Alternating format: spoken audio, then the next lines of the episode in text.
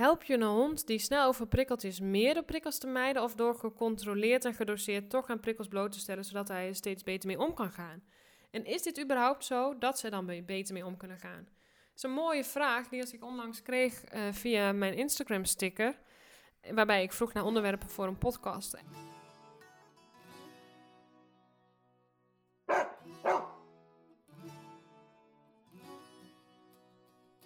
Waarom vind ik dat een mooie vraag? Omdat er heel veel in uh, doorklinkt. Want help je een hond die snel verprikkeld is meer door prikkels te vermijden of door gecontroleerd en gedoseerd toch ja, je hond daaraan bloot te stellen?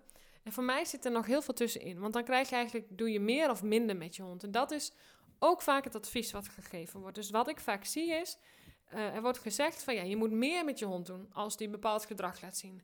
Daar wordt dan misschien niet gesproken over overprikkeling, maar daar wordt dan gesproken over misschien juist wel onderprikkeling. Uh, laten we niet vergeten dat onderprikkeling ook voor overprikkeling zorgt. Het zorgt ook voor de aanmaak van stresshormonen en dus een emmetje wat gaat overlopen. Maar los van dat, um, de, de tegenhanger daarvan is natuurlijk dat je prikkels gaat vermijden. Alleen, alleen vermijden is ook niet per se de oplossing. Want als je het alleen maar gaat vermijden, um, is de vraag of dat wat gaat doen. En mijn vraag is vooral ook, wat houdt dan meer doen in en wat houdt minder doen dan in? Want als je meer gaat doen, wat ga je dan meer doen? Ga je dan uh, meer naar het losloopgebied tussen al die andere handen lopen?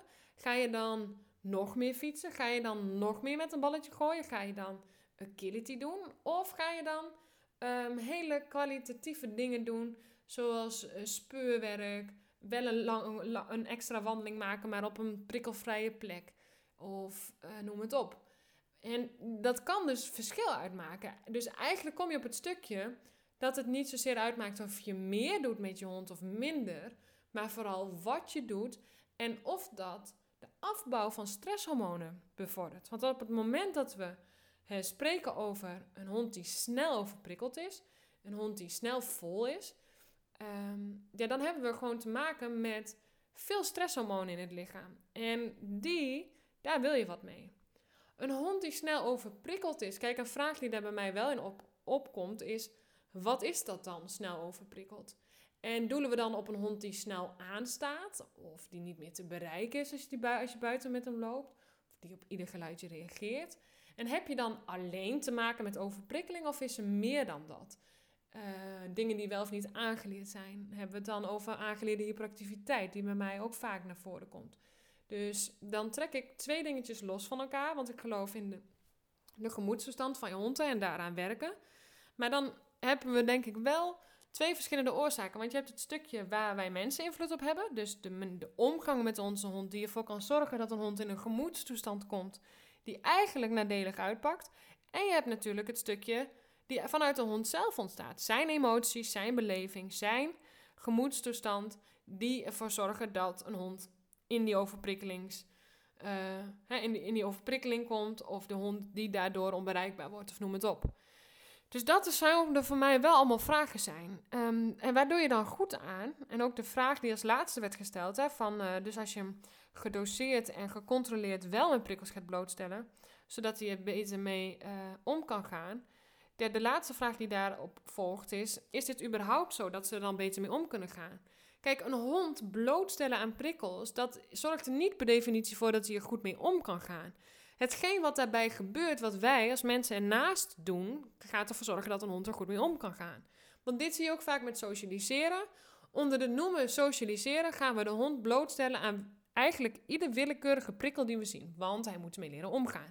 We gaan naar het losloopgebied, we droppen de hond uit tussen allerlei andere honden. We gaan naar de markt, we droppen de hond uit tussen al die mensen.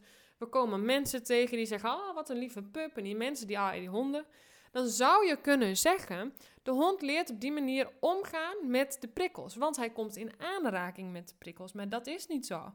Want stel nou, jij loopt met je pup in dat de hondenlosloopgebied. En je hond laat allerlei signalen zien. Dat zijn hele subtiele signalen, dus die gaan verder dan staat tussen de benen, ik vind het niet leuk. Of, of, of een hond die op een andere manier gedrag laat zien, die wij ook zien en interpreteren als hij vindt het niet leuk. Als je hond die signalen laat zien, maar je hebt geen kennis van die signalen, uh, je weet niet waar hij behoefte aan heeft, het duurt te lang of noem het op. Um, je hebt eigenlijk geen idee ook wat de behoeften in het algemeen zijn. Dus ook niet van de tegenpartij, van de hond die je tegenkomt, honden dan kan het zijn, dan heb je wel je hond blootgesteld aan die prikkel, maar dan, dan is het niet zo dat de hond zich veilig voelt, fijn voelt, dat het emotioneel ook iets doet. Ehm, eigenlijk werkt het zelfs averechts. Als we, dus, als, we even, als we even bij socialiseren blijven hangen, dan kan het dus averechts werken, omdat ik vaak zie dat daar een opstapeling komt. En dan krijg je in één keer gedrag waarvan we zeggen: ja, maar wacht even, dat wil ik niet. Dus dan heb je een hond die misschien. Uh, het hoeft niet eens altijd lelijk gedrag te zijn. Het opspringen, het in de lijn gaan bijten, het Ehm, eh, niet meer luisteren, wegrennen, noem het op. Dus een, een, een, piek van onbereikbaarheid. Ofwel de grom, het uitvallen naar andere honden, blaffen aan lijn, noem het op. Het kan ook zijn dat daar ehm, een opstapeling zichtbaar wordt. Dus is het zo dat je hond om kan gaan met prikkels door hem bloot te stellen aan prikkels? Ik denk het niet. Het, je leert je hond omgaan met prikkels, onder andere door er een positieve associatie bij te creëren. En die gaat verder dan um, mensen tegenkomen en je je hond laten aaien. Want als de hond niet geaaid wil worden, ga je eigenlijk over een grens heen. Als dat vaak gebeurt, doet dat iets met zijn stresshemmer, het doet iets met zijn ehm, associatie, het doet iets met zijn ontwikkeling. En dat zijn misschien allemaal dingen die je eigenlijk helemaal niet graag wilt.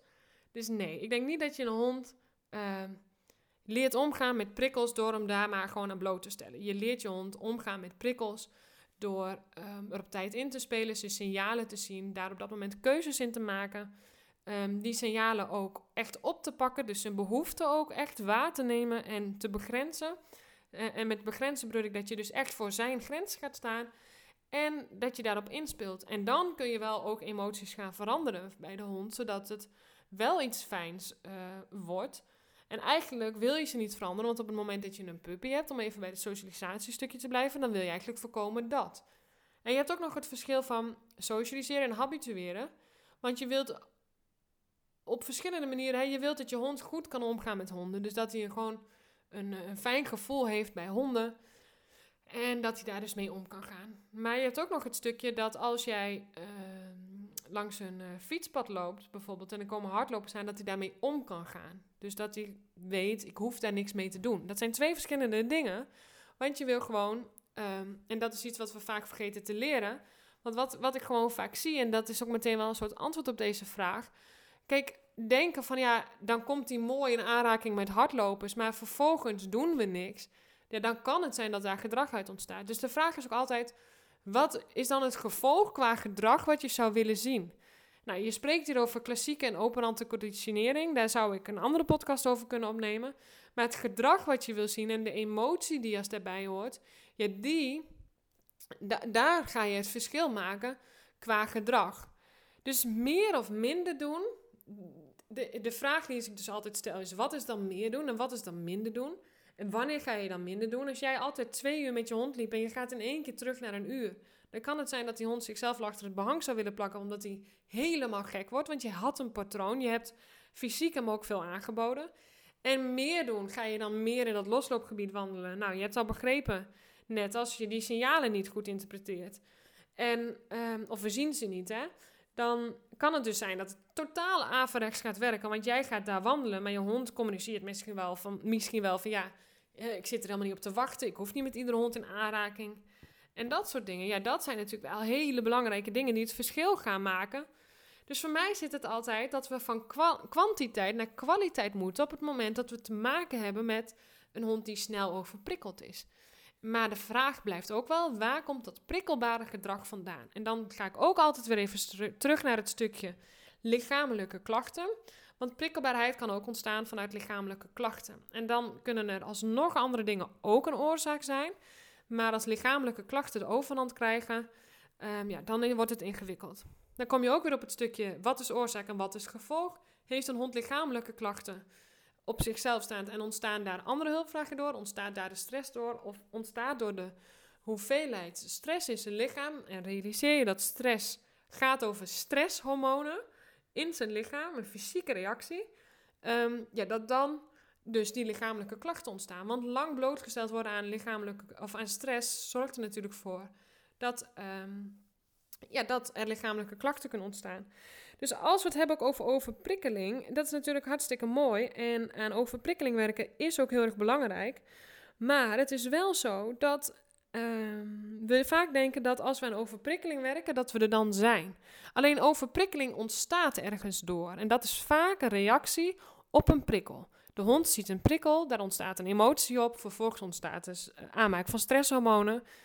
En je ziet dus, die aanmaak van stresshormonen en stress reduceren is heel belangrijk. Dan ontstaat ook vaak de vraag, ga ik meer of minder doen met mijn hond? Nou ja, mooi, is ook een op zichzelf staande vraag. Dan pak je wel alleen de stresshormonen aan, maar je wilt eigenlijk de oorzaak van die stresshormonen aanpakken, even zo gezegd. Stresshormonen, dat is er altijd. Er is altijd een fysieke reactie. Stress is ook niet per se alleen maar slecht. Ook door positieve dingen maken we stresshormonen aan. Het is wel zo dat ik gewoon zie dat er te weinig momenten zijn om stress te kunnen afbouwen. Dus dan kom je wel in het stukje, ga je meer doen met je hond, ga je minder doen met je hond. Als je meer doet, wat houdt het dan in? Als je minder doet, wat houdt dat dan in? Voor mij zou hier altijd overeind staan, zijn er genoeg momenten en activiteiten waarbij de hond en waarvan we weten dat een hond op fysiek niveau stress gaat afbouwen. En daar zijn verschillende dingen voor. Maar ik denk dat het, en die benoem ik ook altijd in mijn online trainingen. En wat daar belangrijk in is, is dat dat wel een onderdeel is. Maar wat je daarnaast wilt, is dat je aan de slag gaat met, de, met die trigger, die die stresshormonen, die die snelle overprikkeling veroorzaakt. En dat kan heel veel zijn. Het is heel erg maatwerk. Dus is de hond echt overprikkeld, overprikkeld en is dat de reden van zijn gedrag of is er meer? Ja, daar begint eigenlijk mijn uh, vraag altijd. Hè? Als iemand stuurt, mijn hond is overprikkeld, dan wil ik altijd weten, ja, is dat echt overprikkeld? Of is er meer? En er is gewoon, er is sowieso altijd meer. Maar het is wel belangrijk om, om altijd daarin verder te kijken. Dus ik hoop dat ik je op deze manier al wel wat meer heb laten zien van uh, uh, hoe je hiernaar zou kunnen kijken. En misschien dus ook wel wat je hiermee zou kunnen doen.